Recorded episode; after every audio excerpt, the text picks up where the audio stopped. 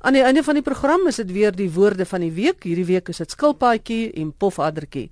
Dan gaan ons ook hoor dat dit nog standing is dat so baie mense hulle taal praat en dat ons dus nie hoef te worry oor die voortbestaan van Afrikaans nie. Maar eers gesels ek met Dr Piet de Tooy en Dr Wanda Smit. Hulle is die outeurs van die hersiene uitgawe van die boek Stylboek Riglyne vir paslik skryf. So terloops my mening, ons ken deesdae nie eers meer die sintaksis van die taal of ons nie eens gewone behoorlike woordeskat nie, wat nog te sê van 'n behoorlike styl. So hoekom is 'n stylboek dan so belangrik en wat behels hierdie hersiene uitgawe? Hier is eerstens Dr Piet De Tooy. Ja, kyk, uh, laat ek so begin. In die in die alledaagse lewe hoor ons baie gereeld van styl in geboue en binne versiering en skilderye en klere en hare en wyn en so meer nou is dit vreemd dat as dit kom by taalgebruik en taalonderrig dan is dit altyd asof uh, styl gesien word as 'n soort bykomstigheid as uh, asof dit nie so belangrik is nie. Nou is dit interessant dat 30 jaar gelede het professor Christoffel Joen toe nog dekaan van die uh, fakulteit ingenieurswese. Het hy al gewonder of skole nie te veel aandag gee aan letterkunde en grammatika en te min aan styl en 'n leerling se vermoë om hom uit te druk nie. Nou of dit vandag nog so is, dit weet ek nie, is nou 30 jaar later. Maar so 18 jaar gelede het ek en Wanda toe besluit ons wil 'n boek maak, ons wil 'n stylboek maak wat konsentreer op die klassieke stylbeginsels van duidelikheid, bondigheid, gepaste toon en aantreklikheid. En Daardie boek het toe in 2003 verskyn en die die tweede uitgawe verlede jaar. Ja, en ek wil graag net by Wanda hoor as jy kan aansluit daarbey. Uh, Wanda, hoe sien jy styl binne die hele taalkonteks, die sintaksis en die woordeskat ja. en alles? Waar pas um, dit in?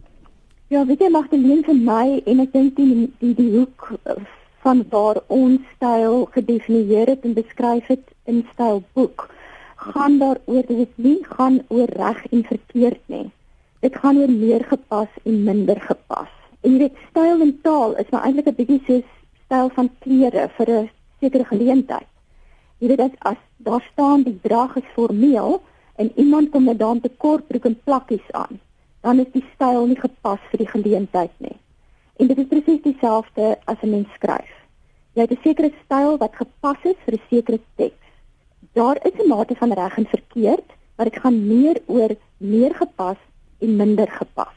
Soos byvoorbeeld as 'n mens nou 'n brief aan jou ma sal skryf en as jy 'n literêre werk sal skryf. Absoluut.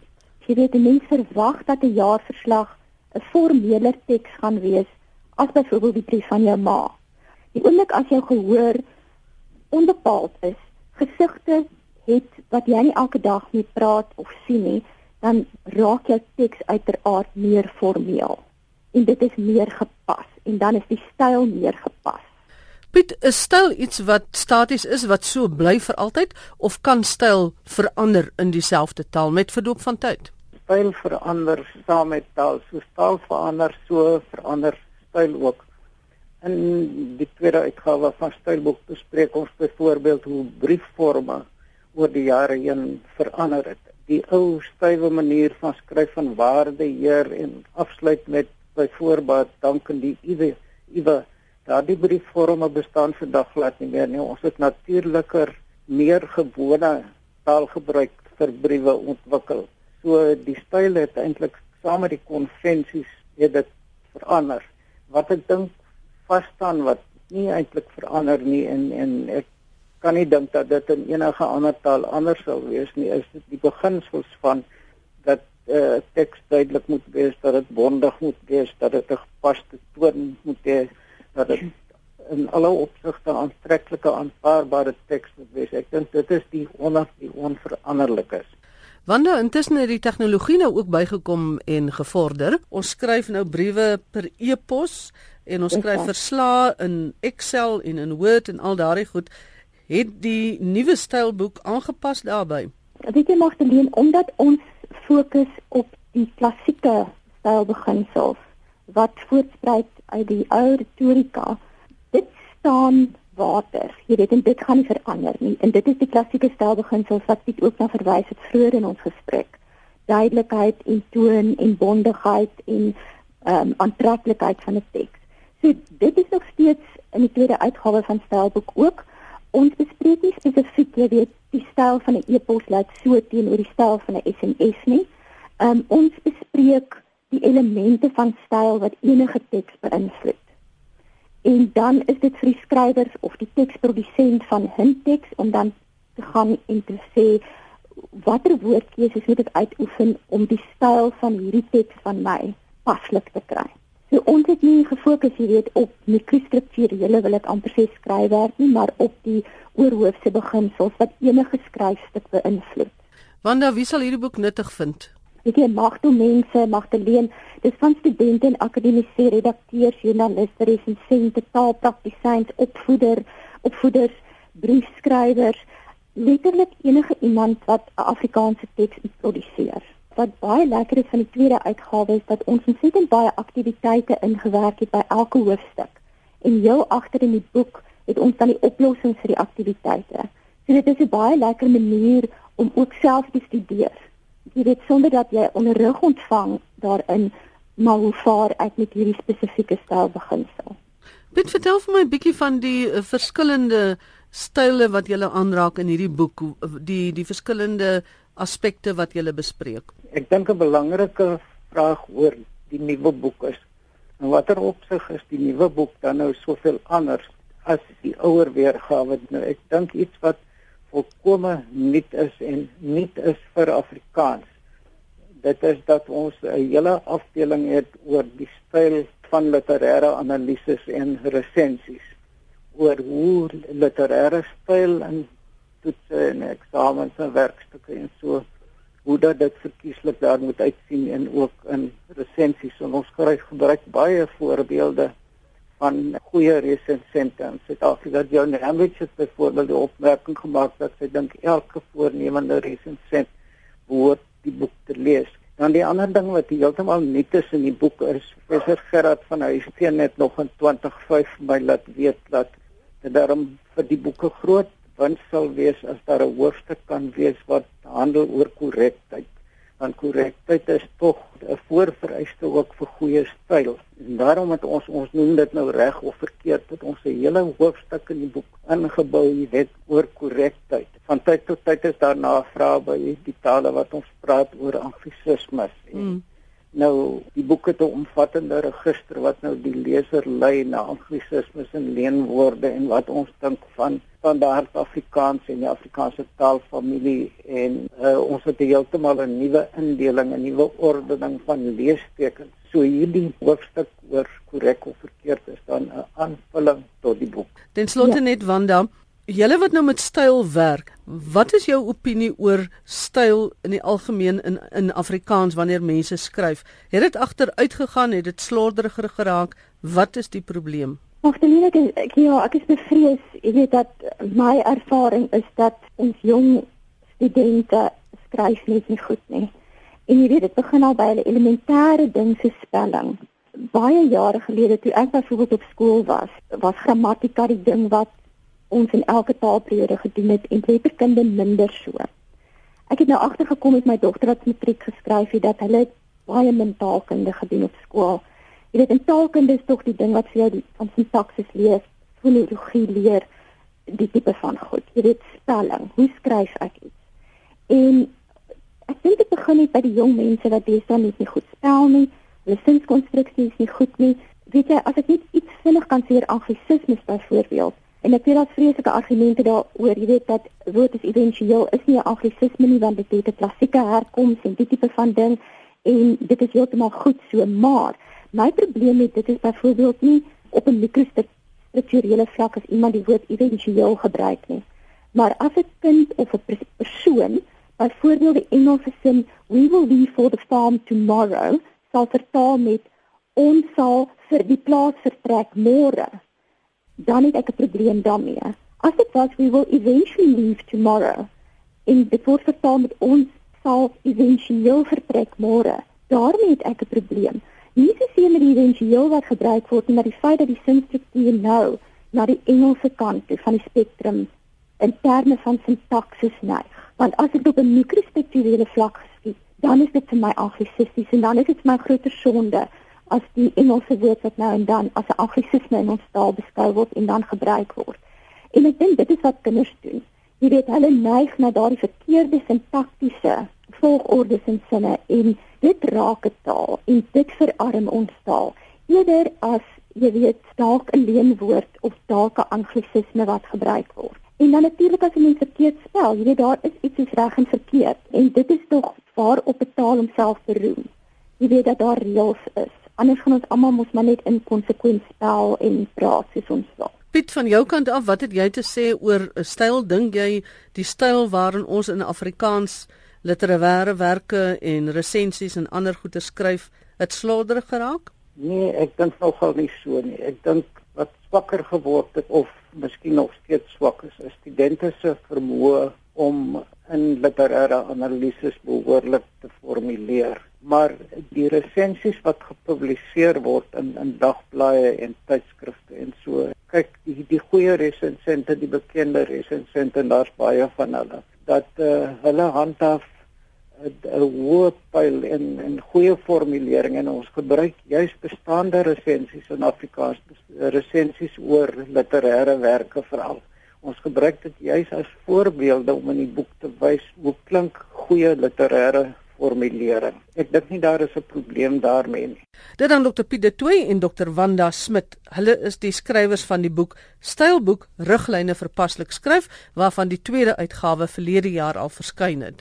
Nou ja, soos wat hulle praat oor die agteruitgang, so kan ek ook sê ek het 'n broertjie dood aan, ek het 'n renons in, ek het 'n hekel aan die swak styl en taalgebruik van mense vandag in Afrikaans. En ons is so geneig om te sê dis die jong mense, maar dit is nie net die jong mense nie. Ek hoor hoe praat mense van my ouderdom en selfs ouer, baie geradpraakte in vrot Afrikaanse. Ek sê dis doodgewoon sommer net lui uit. Ek het onlangs 'n brief gelees in die Tygerburger en dis geskryf deur Rudy van Rensburg en ek is seker hy gaan nie omgee as ek dit op RSG lees nie want dit het al in die media verskyn. En dit som by all means eintlik maar op wat aan die gang is. Hy sê ek worry oor die toekoms van Afrikaans. Die studente op Varsity verkies Engels en Afrikaanse ouers stuur hulle kids na Engelse skole. Dis genuine shocking hoor. Waar gaan alles eindig as ons so reckless met ons taal omgaan? Gelukkig is my kids nog oukei. Okay. Nou die oggend om die breakfasttafel sê my laaitie nog so tussen die gekou van sy toast. Dis daarom cool dat ons nog in Afrikaans skool gaan pa. Pietie van Langsaan moet nou Shakespeare primary toe en hy ken amper nie die difference tussen yes en no nie. Dis sad, net pa. Ek kon nie help om te smaal nie. Daai kind van my sal tot op die bitter einde fight vir sy taal. Dis actually amazing dat so 'n jong kind so sterk oor sy roots voel. Dit bly altyd vir my stunning as mense nog goeie Afrikaans praat. Recently luister ek op die kar radio na 'n Engelse radiostasie wat 'n kompetisie het oor die flavours van 'n sekere yskriem. Die eerste inbeller sê toe haar Engels is nie hot nie, kan sy maar Afrikaans praat. Die omroeper sê dis oukei so en sy sê toe: "Die flavours is raspberry, chocolate en grape." En daar wen sy toe wraggie. Wys jou net, jy kan nog presteer deur op Afrikaans aan te dring. Dit hang maar van elkeen van ons af of ons taal gaan survive of nie. Ek is so erg oor my taal dat ek onder die stort net Afrikaanse songs sing vir en kuis die kids luister. Tot ons hond reageer net op Afrikaanse commands. As ek vir hom sê om te sit, dan sit hy.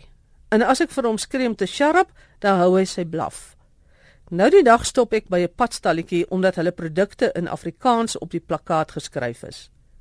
Toe koop ek sommer al hulle muffins, hulle cupcakes en hulle toffee apples om te wys ek support hulle. Van support gepraat. Ek was nooit 'n Stormers supporter nie totdat ek hoor Johan skree op die TV vir sy fly half, "Pas die bal vir my." Toe sê ek nog vir my laaitie, "Hoor net daar, hy kon net sowel gesê het, "Pass the ball to me," maar hy hou by sy taal. Nee kyk, sluit Rudy van Rensburg sy brief af. Afrikaans hardloop dan nog sterk deur party van ons se wyns. Dit is so amazing. En net so amazing is die tegnologie wat daar deesdae in die taalakker beskikbaar is, veral wanneer ons ander tale wil aanleer. Een so toepassing of toep of so sommige mense verkies om te sê 'n app is 'n Suid-Afrikaanse app wat onlangs 'n toekenning gewen het. Estie Gross, vertel vir ons meer daarvan en oor die aanleer van 'n ander taal.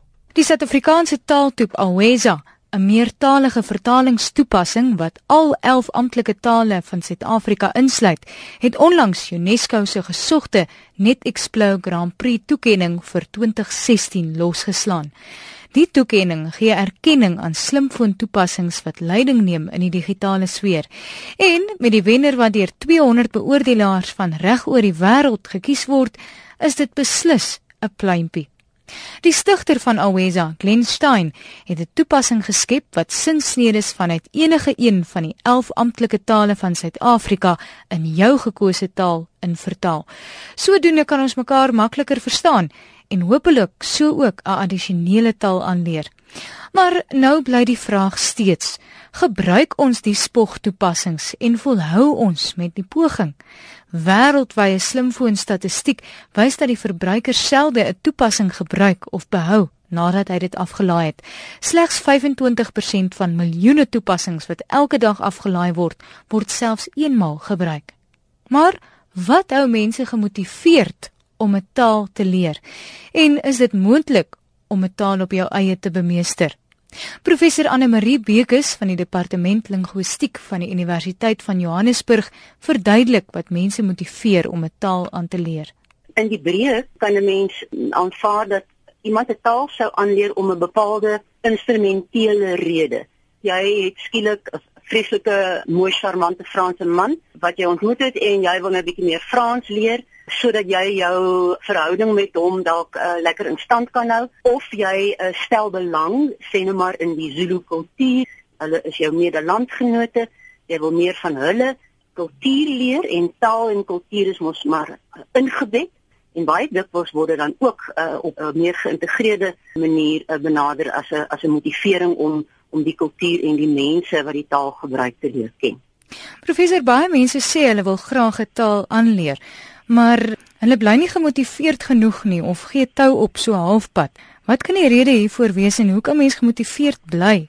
As jou verhouding met daardie uh, aantreklike Franse man vir jou baie belangrik is, gaan jy gaan die motivering beslis baie sterker wees as wanneer ehm um, jy byvoorbeeld 'n pa van ma het wat sê man 'n mens is gekultiveerd as 'n mens Frans ken, so jy moet Frans leer. So dit is nie 'n lekker geïntegreerde motivering of 'n rede waarom jy dan daardie taal moet aanleer nie en dit sou argumente onthaalwe daartoe kon lei dat iemand nader aan belangstelling verloor en sê ag nee wat hierdie is vir my net te moeilik of dit kan vir my niks in die sak bring nie. So dit gaan ook oor daai interaksie wat dit makliker maak om 'n taal aan te leer. En as ek dit dan van toepassing maak op toepassings wat mense het, is dit baie keer jy op jou eie wat probeer om die taal baas te raak. Ja, en dit is dit is nog 'n eensame ding, maar Jy weet die jong mense van vandag word feitelik met 'n uh, selfoon en 'n toepassing in die hand gebore. So uh, as hulle weer 'n toepassing um, in uh, nader kennis kan maak met 'n taal en 'n kultuur, dan dink ek sal hulle dit makliker doen as op 'n meer konvensionele manier. Dit is my raaiskoot. Met die inligting in gedagte, wat motiveer jou om 'n taal aan te leer? As jy net een taal of twee tale kan praat, skaar jy jou by die grootste meerderheid van die wêreld se bevolking.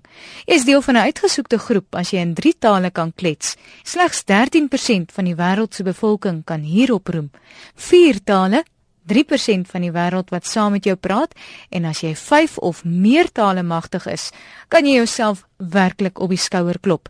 En as jy deel van 1% van die wêreld se bevolking, Klink vir my na goeie motivering om dalk net met een taal te begin en dalk die toepassing op die slimfoon vir net so klein bietjie langer geselskap te hou. Dit dan kollega Estie Groos wat hierdie bydrae vir ons versorg het. Jy kan miskien in die loop van die week gaan Google of op enige ander soek en jy gaan kyk of jy enige toepassings of toeps of apps kry waar 'n mens 'n uh, ander taal kan aanleer. En nou kom ons by woorde van die week. Dit is skilpaadjie en pofaddertjie. Nou ons almal weet 'n skilpad is 'n reptiel met 'n dop oor en ses gate in die dop. Maar kom ons hoor by Dr Willem Botha, waar kom die woord skilpad vandaan? En dan vertel hy ook meer oor die gebruik van skilpaadjie en pofaddertjie. Ons kry skilpad uit Nederlands, skildpad. En dit is 'n samestelling van skild wat 'n skild is, wat iets is waarmee jy beskerm en pad wat 'n padda is. Nou die Nederlanders het hierdie reptiel so genoem omdat die dier vir hulle soos 'n padda gelyk het wat onder 'n skild skuil. Nou mense is lief vir skilpaaie en daarom is daar 'n paar dinge wat ons skilpaadjies noem.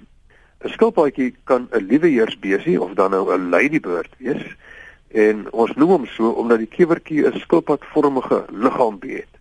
Maar dan kan ons ook skilpaadjies eet. En daai skilpaadjie wat ons eet, is 'n stukkie lewer van 'n lam wat in netvet toegedraai is en wat dan gebraai word en as 'n gereg voorgesit word. Nou mense kan nou vra maar wat is netvet? Wat is die netvet waarin ons nou die stukkie lewer toedraai? Nou netvet is die netagtige vetlaag, dit lyk amper of dit so gevleg is wat om die maag van 'n herkouer is, en maar om die maag van 'n van 'n koei. En dit word dan as lekkerny in 'n verskeidenheid geregte gebruik. 'n Pofaddertjie word dikwels saam met skilpadjies gebraai as jy nou by ernstige vleis en braai mense sou kuier. Nou 'n pofaddertjie is die vetderm van 'n skaap of 'n wildspok waarin verskeie bestanddele gestop word voordat dit dan gebak of gebraai word. En daardie bestanddele kan nou wees gemaalde lewer, niertjies, beesvleis, skaapstert, vet, kruie, speserye, asyn of rooiwyn. En die mense wat nou werklik kenners is sê dat die geheim van 'n pofaddertjie is dat die vetderm moet kom van 'n gemsbok. Dan aan Dr Willem Botha van die Woordeboek van die Afrikaanse taal en onthou die borgewoord gaan voort. Hy vertel hoe dit werk. Onthou die woord wat jy borg hoef nie in die WAT of enige ander woordeboek te wees nie. Dit kan selfs 'n woord wees wat net binne jou gesin gebruik word, maar wat vir die gesin 'n besondere waarde het. Jy kan dit teen R100 borg, enige Afrikaanse woord of teen R5000 dan mag niemand anders jou woord borg nie, dit is werklik jou woord. Gaan na www.wat.co.za vir volle besonderhede. Willem gee dan gou vir ons voorbeelde van 'n paar woorde wat die afgelope tyd geborg is. Interessante borgskap wat ons gekry het is onlangs is 'n uh, en Reyneke het die woord koekstryf wat die meeste mense seker as twyfel ken. Sy het koekstryf eksklusief geborg. Lina Kuiter borg kleinboer eksklusief en Helena Du Plessis borg flitsboek vir Facebook. Dis haar weergawe vir Facebook borg sy. Dan 'n baie interessante borgskap was van Winnie Rust. Nou Boerneef was haar oom. Sy borg die twee woorde gedamasseerd en ramkat. En dit is woorde wat haar pa baie graag gebruik het. Gedamasseerd het hy gebruik vir iemand wat sterk en gespierd voorkom. Nou mense wat met perde werk en ander rydiere sal weet dat dit eintlik 'n term is wat uh, onder perdeteelers gebruik word. En dan was ek ook woord, baie lief vir die woord ramkat. Uh, as iemand nou presteer het en is baie tevrede met een van die kinders, dan uh, sal hy vir hom sê ramkat.